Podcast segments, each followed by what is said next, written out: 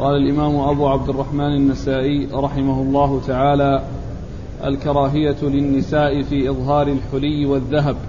قال أخبرنا وهب بن بيان قال حدثنا ابن وهب قال أخبرنا عمرو بن الحارث أن أبا عشانة هو المعافري حدثه أنه سمع عقبة بن عامر رضي الله عنه يخبر أن رسول الله صلى الله عليه وآله وسلم كان يمنع أهله الحلية والحرير ويقول إن كنتم تحبون حلية الجنة وحريرها فلا تلبسوها في الدنيا. بسم الله الرحمن الرحيم. الحمد لله رب العالمين وصلى الله وسلم وبارك على عبده ورسوله نبينا محمد وعلى آله وأصحابه أجمعين. أما بعد يقول النسائي رحمه الله الكراهية في إظهار الكراهية الكراهية للنساء في أيوة. إظهار الحلي والذهب. الكراهية للنساء في إظهار الحلي والذهب. آه، عطف الذهب على الحلي هو من عطف الخاص على العام لأن الحلي يشمل الذهب وغير الذهب.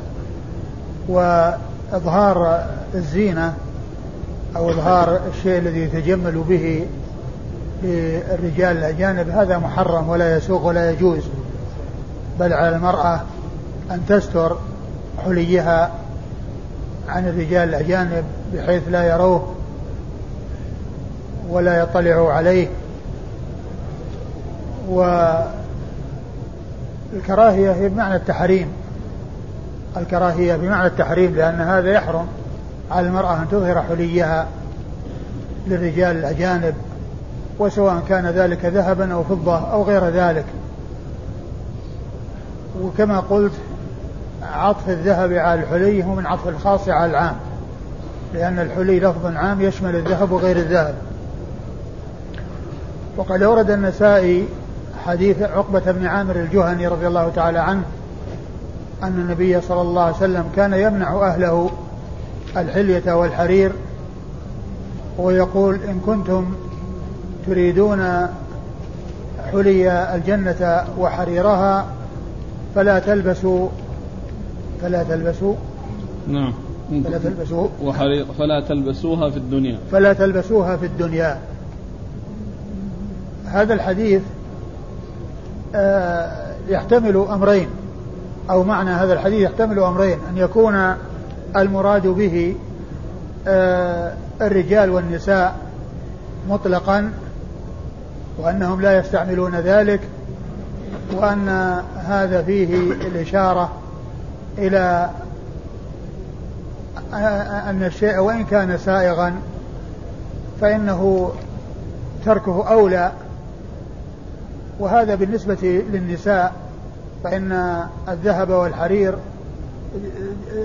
والتحلي جائز في حقهن والرجال التحلي في حقهم بالنسبة للفضة يعني مثل الخاتم ويعني ومثله سائغ.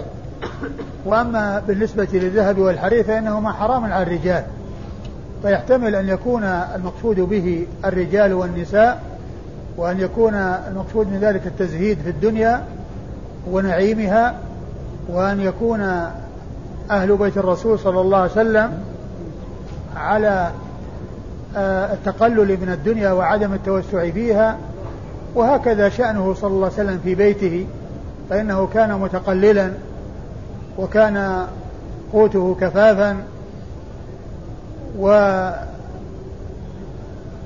قال عليه الصلاة والسلام جعل رزقي تحت ظل رمحي وجعل الذل والصغار على من, من على من خالف أمري.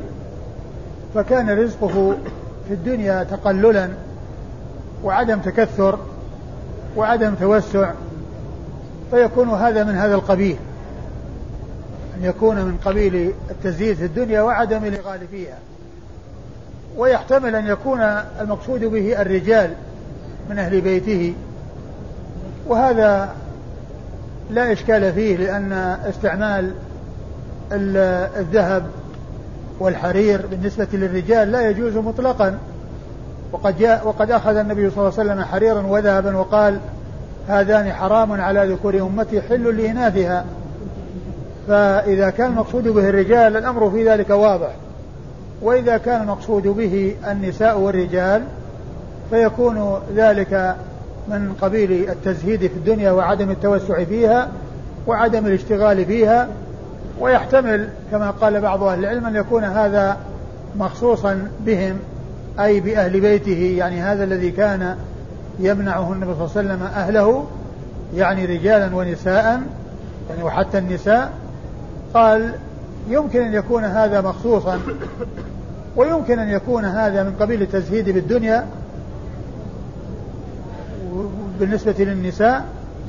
وأما بالنسبة للرجال فإنه لا يجوز لهم استعمال الذهب ولا يجوز استعمال الحرير مطلقا. اللهم إلا ما استثني مما سيأتي في الأحاديث القادمة. وهو من جنس ما تقدم أو من جنس ما ورد في بعض الأحاديث النهي عن لبس ال ال عن استعمال آنية الذهب والفضة وقال إنها لهم في الدنيا ولكم في الآخرة. إنها لكم في الدنيا ولكم في الآخرة. وهذا كما هو معلوم يشمل الرجال والنساء لأن استعمال الأواني لا يجوز في حق الرجال والنساء. والذهب يجوز لها أن تستعمل النساء ولكن بالتقلل منه وعدم التوسع. نعم. قال أخبرنا وهب بن بيان. وهب بن بيان ثقة أخرج حديثه أبو داود والنسائي. عن ابن وهب. عن ابن وهب عبد الله بن وهب المصري ثقة فقيه أخرج له أصحاب الكتب الستة. عن عمرو بن الحارث. عن عمرو بن الحارث المصري ثقة أخرج له أصحاب الكتب الستة. عن أبي عش عشانة. عن أبي عشانة المعافري واسمه حي بن يؤمن وهو ثقة أخرج حديثه البخاري في الأدب المفرد. وأبو داود النسائي وابن ماجه. وأبو داود النسائي وابن ماجه. عن عقبة عن عقبة بن عامر الجهني رضي الله عنه صاحب رسول الله صلى الله عليه وسلم وحديثه أخرجه أصحاب كتب الستة. قال أخبرنا علي بن حجر قال حدثنا جرير عن منصور حاء قال أخبرنا محمد بن بشار قال حدثنا عبد الرحمن قال حدثنا سفيان عن منصور عن ربعي عن امرأته عن أخت حذيفة أنها قالت خطبنا رسول الله صلى الله عليه وآله وسلم فقال يا معشر النساء أما لكن في الفضة ما, تحلي ما تحلين؟ أما إنه ليس من امرأة تحلت ذهبا تظهره إلا عذبت به. ثم ورد النسائي حديث آه، فاطمة حديث أخت حذيفة وقيل إنها فاطمة بنت اليمان وقيل خولة بنت اليمان آه، صحابية. قالت خطبنا رسول الله صلى الله عليه وسلم وقال يا معشر النساء أما لكن من الفضة ما تحلين؟ أي ما تتحلين به من الفضة؟ أيما امرأة آه، اتخذت أو تحل اتخذت أو تحلت؟ أيما امرأة. أما إنه ليس من امرأة تحلت ذهبا. أما إنه ليس من امرأة تحلت ذهبا تظهره إلا عذبت به في النار. لا فقط عذبت به. إلا عذبت به. قوله تحلت به آه، ذهبا تحلت به تظهره تظهره يعني آه، تظهره للرجال أو تظهره على سبيل الافتخار وعلى سبيل آه، التعاظم والافتخار فإنها تعذب به. يعني يكون عذابا لها بأنها تعذب بهذا الشيء الذي تتحلى به تظهره. ونعم والإسناد؟ قال أخبرنا علي بن حجر. علي بن حجر بن إياس المروزي السعدي ثقة أخرج حديثه البخاري ومسلم والترمذي والنسائي. عن جرير. عن جرير بن عبد الحميد الضبي الكوفي ثقة أخرج له أصحاب الكتب الستة. عن منصور. عن منصور بن المعتمر الكوفي ثقة أخرج له أصحاب الكتب الستة. قال حاء وأخبرنا محمد بن بشار ثم قال حاء وهي للتحول من إسناد إلى إسناد أخبرنا محمد بن بشار الملقب بن دار البصري ثقة أخرج له أصحاب الكتب الستة بل هو شيخ لأصحاب الكتب الستة.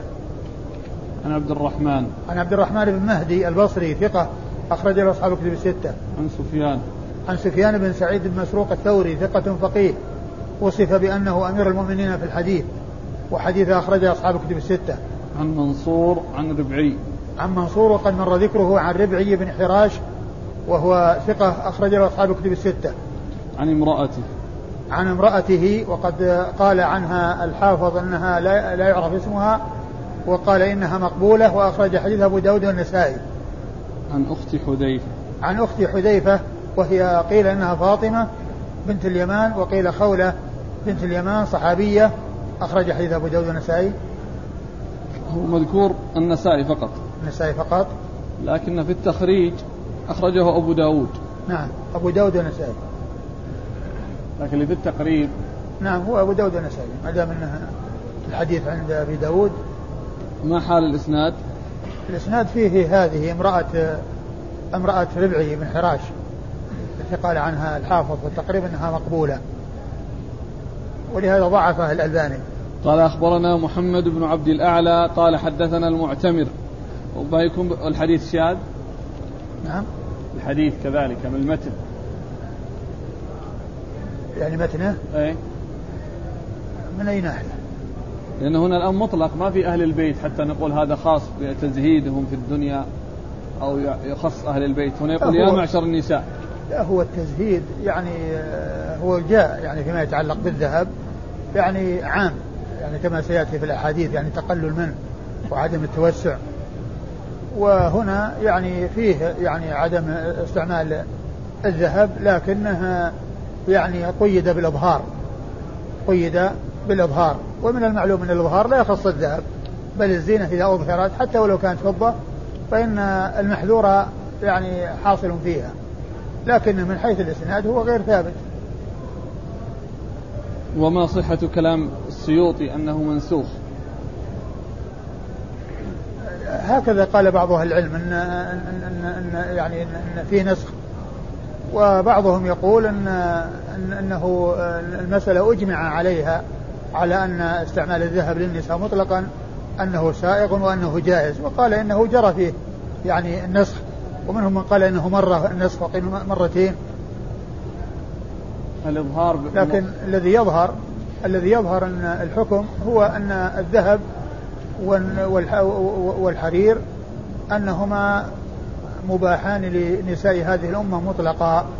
وينبغي التقلل من الحلي وعدم التوسع فيه والإكثار منه لأن لأن ما جاء في بعض الأحاديث مما يدل على يعني آه، يعني ما يدل على عدم استعماله أو آه، يعني المقصود به إما التزهيد وإما النهي عن التكثير والتوسع.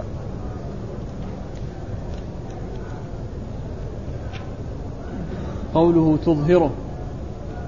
تظهره هذا هو ال هو ال هو ال الذي يعني يطابق الترجمة حيث قال آه، إظهار آه، النساء الحلي والذهب. ما وجه الكراهة إذا كانت تظهر عند عند النساء. إذا كان على سبيل التكبر يعني يصير مكروه في كراهة. وإذا صار أنه ما في تكبر فإنه لا كراهة فيه. وإذا كان على سبيل إظهاره للرجال فسواء كان ذهبا أو فضة فإنه محرم وغير سائر. من باب إن الله إذا يعني أنعم على عبده أحب أن يرى أثر نعمته. على كل لكن ليس على سبيل التكبر. إذا حصل إظهاره وليس فيه تكبر ما في بأس.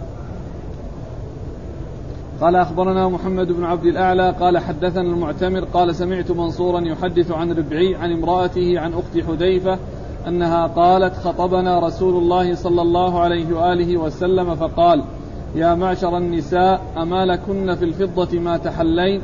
أما إنه ليس منكن امرأة تحلى ذهبا تظهره إلا عذبت به. ثم ورد النسائي حديث أخت حذيفة وهو مثل ما تقدم قال أخبرنا محمد بن عبد الأعلى محمد بن الأعلى الصنعاني ثقة أخرج حديث مسلم وأبو داود في القدر والترمذي والنسائي وابن ماجه عن المعتمر عن المعتمر بن سليمان بن طرخان التيمي ثقة أخرجه أصحاب كتب الستة. عن منصور عن ربعي عن امرأته عن أخت حذيفة. وقد مر ذكرهم.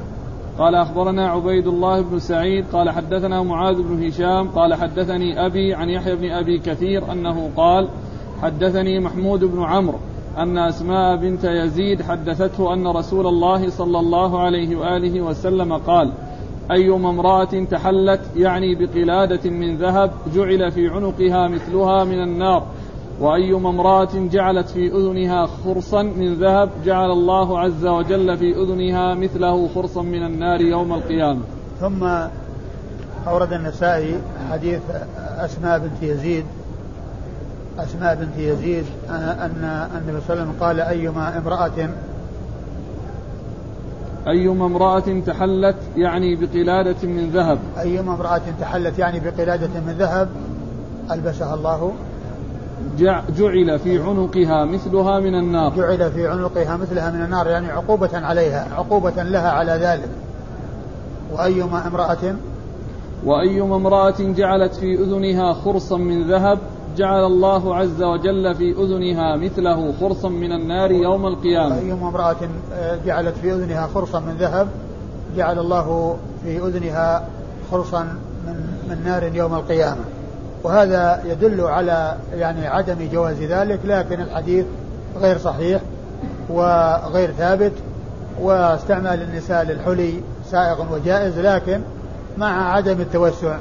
ومن المعلوم أن الرسول صلى الله عليه وسلم لما خطب النساء يوم العيد وحثهن على الصدقة وقال إن كنا أكثر حطب جهنم بادرنا وجعلنا يلقين في ثوب بلال الذي بسطه لتوضع فيه الصدقات من خواتيمهن وأقراطهن يعني فذلك سائغ وجائز والحديث يعني غير صحيح نعم. قال أخبرنا عبيد الله بن سعيد عبيد الله بن سعيد السرخسي اليشكري ثقة أخرج حديثه البخاري ومسلم والنسائي. عن معاذ بن هشام. عن معاذ بن هشام بن أبي عبد الله الدستوائي وهو صدوق ربما وهم أخرج حديثه أصحاب كتب الستة. عن أبيه. عن أبيه هشام بن أبي عبد الله الدستوائي ثقة أخرج له أصحاب كتب الستة. عن يحيى بن أبي كثير. عن يحيى بن أبي كثير اليمامي ثقة أخرج له أصحاب كتب الستة. عن محمود بن عمرو. عن محمود بن عمرو وهو مقبول أخرج حديثه أبو داود النسائي. أبو داود والنسائي. عن أسماء بنت يزيد. عن أسماء بنت يزيد آه، صحابية أخرج حديثها البخاري في الأدب المفرد وأصحاب السنن البخاري في الأدب المفرد وأصحاب السنن الأربعة يقول الأخ من يرى حرمة الذهب المحلق على النساء. هل يضم في ذلك البنات الصغار أو هو خاص بالبالغات؟ إيش من إيش؟ من يرى بحرمة الذهب المحلق. ما أدري. أقول ما أدري إيش رأيه. يعني يسأل عن رأيه. إذا كان يعني هذا مشهور به الشيخ الألباني حفظه الله. ويعني الذي يظهر الجواز مطلقا للصغار والكبار. والذي يرى أنه ذهب المحلق هل عنده يشمل الصغار والكبار؟ لا أدري.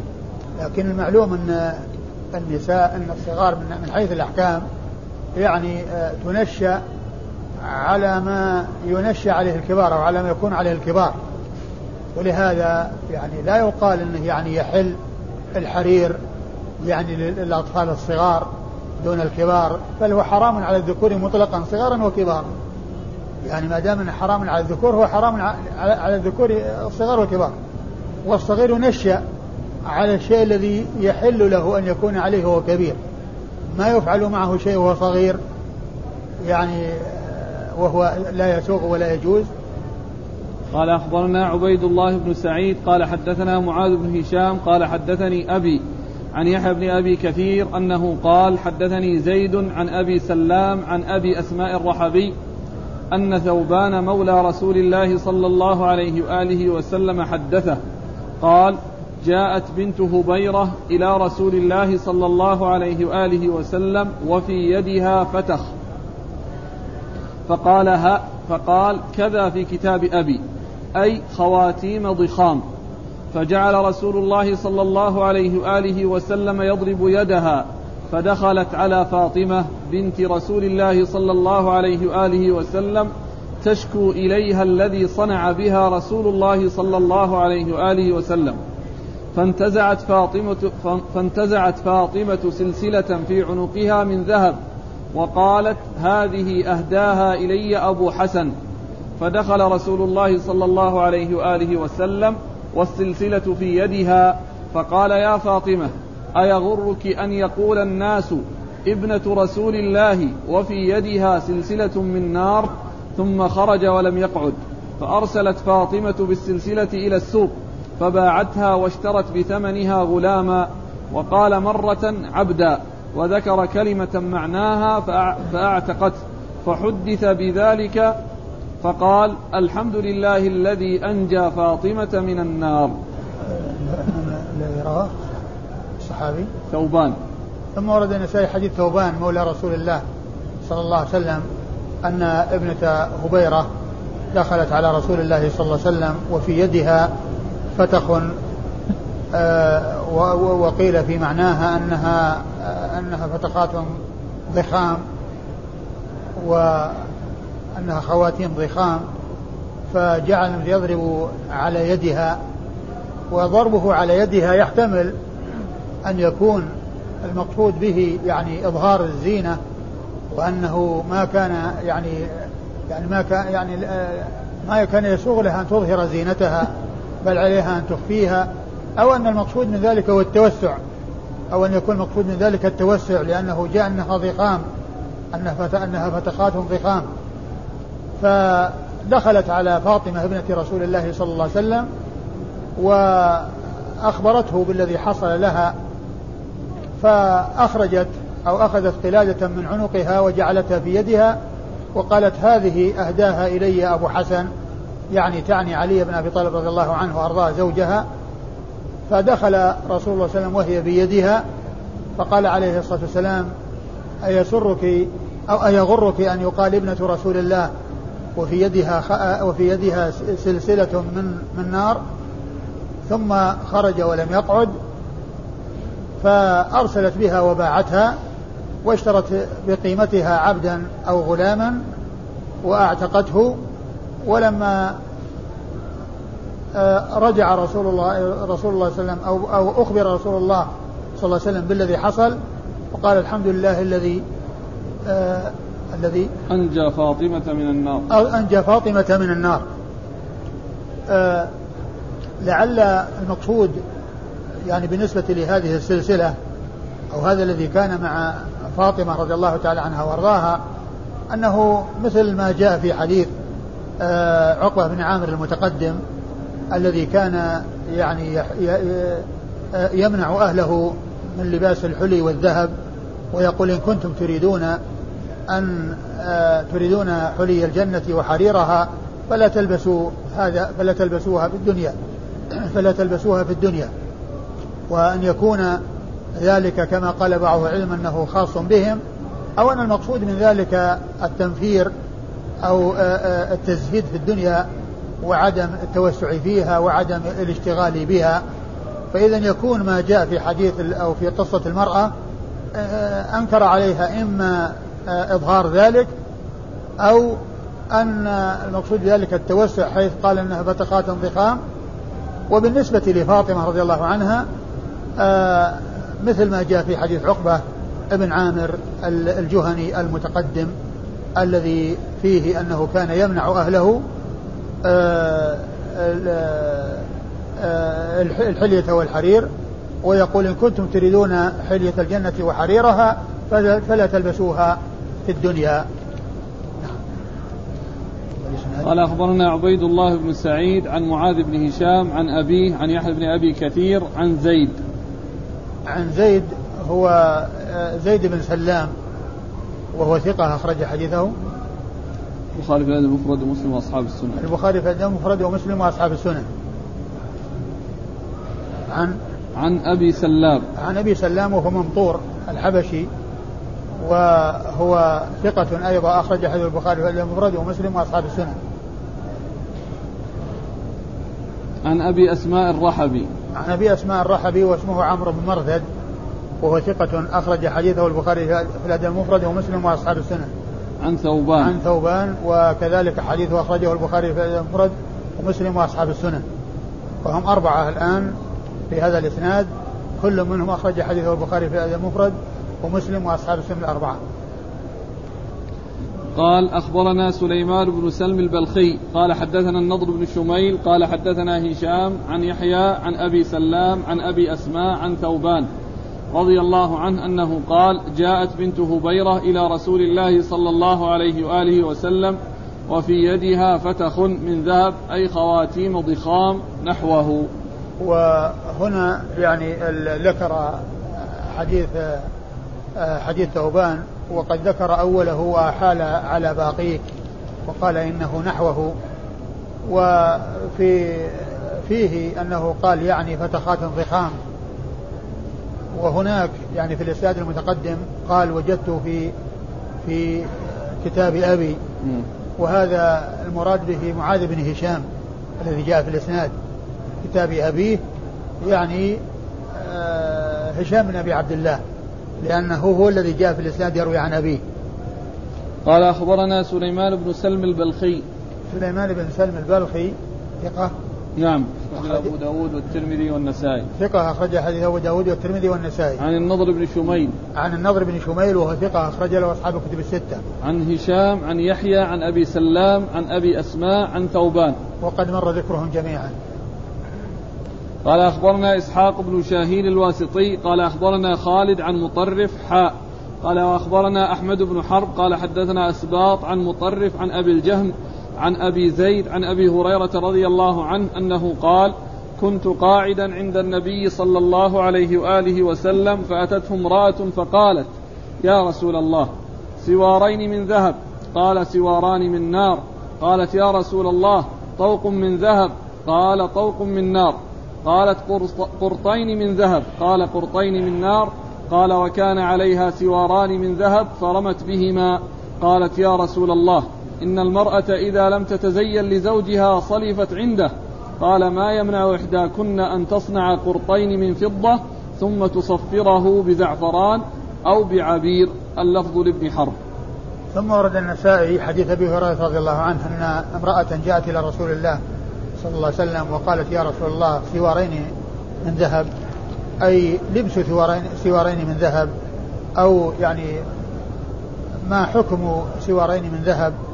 فقال سواران من نار. يعني أن ذلك لا يسوغ ولا يجوز. ثم قالت وطوق قال طوق من نار. قالت وقرطان قرطان أو قرطين من ذهب؟ قال قرطين من نار. ثم قالت وكان عليها سوارين فرمت بهما والسوار هو ما يكون في اليد.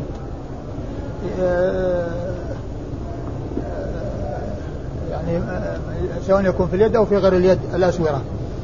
آه، فرمت بهما. وش بعده؟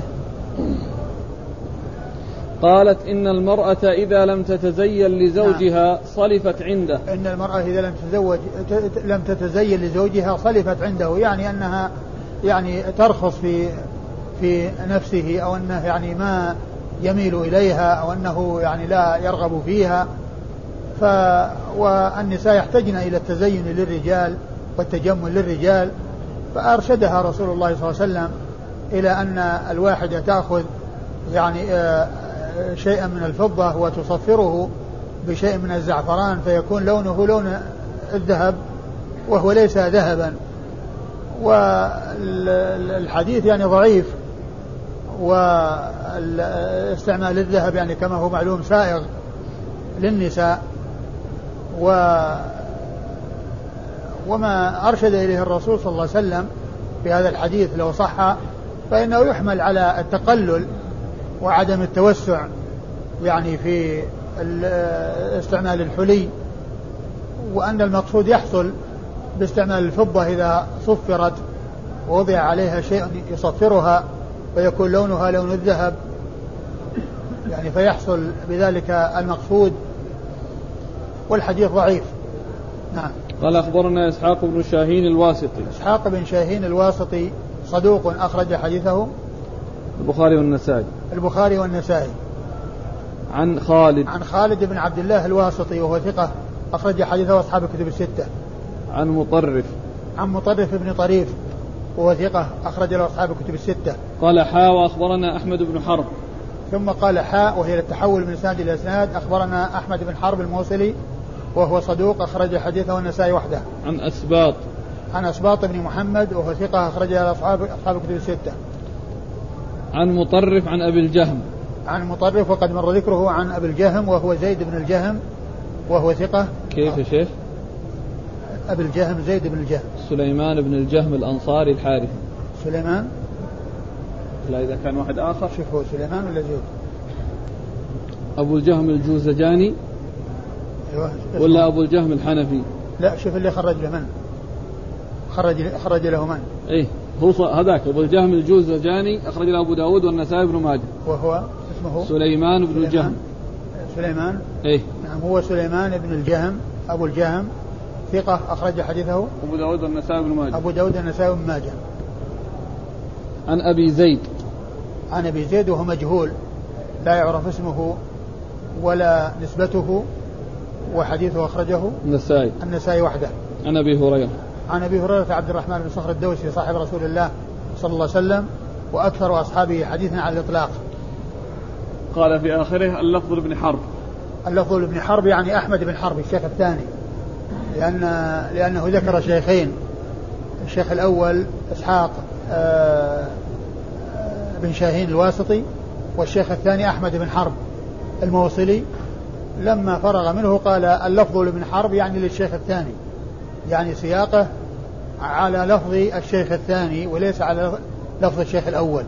قال أخبرنا الربيع بن سليمان قال حدثنا إسحاق بن بكر قال حدثني أبي عن عمرو بن الحارث عن ابن شهاب عن عروة عن عائشة رضي الله عنها أن رسول الله صلى الله عليه وآله وسلم رأى عليها مسكتا مسكتي مسكتي ذهب. فقال رسول الله صلى الله عليه وآله وسلم ألا أخبرك بما هو أحسن من هذا؟ لو نزعت هذا وجعلت مسكتين من ورق ثم صفرتهما بزعفران كانتا حسنتين.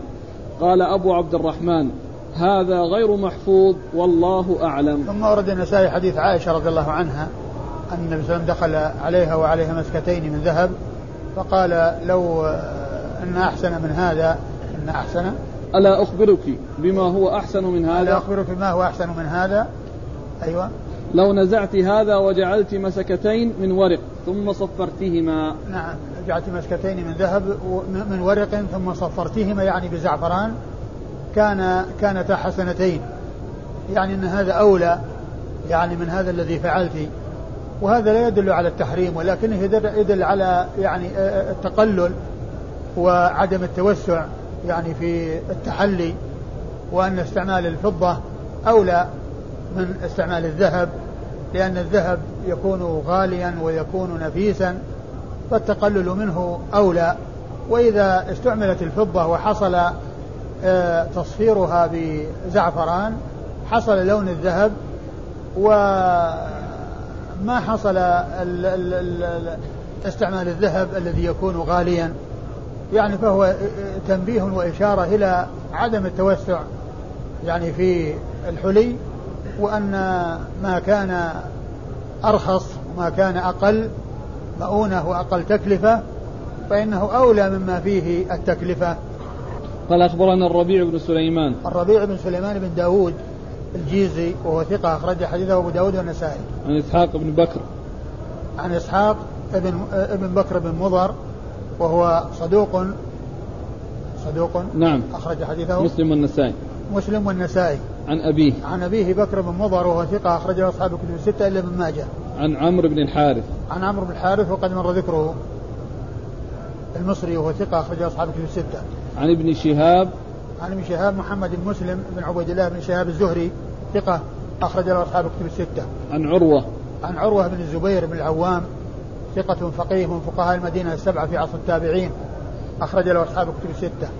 عن عائشة. عن عائشة أم المؤمنين رضي الله عنها وأرضاها الصديقة بنت الصديق وهي من أوعية السنة وحفظتها وهي واحدة من سبعة أشخاص عرفوا بكثرة الحديث عن النبي صلى الله عليه وسلم. قال أبو عبد الرحمن هذا غير محفوظ. قال أبو عبد الرحمن هذا غير محفوظ ولا أدري يعني وجهه.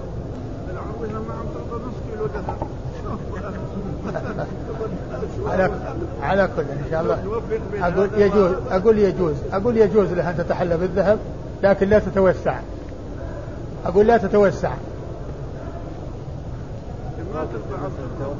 على على كل. إذا اشترطت يوفى لها شرط. والله تعالى أعلم وصلى الله وسلم وبارك على عبده ورسوله نبينا محمد وعلى آله وأصحابه أجمعين.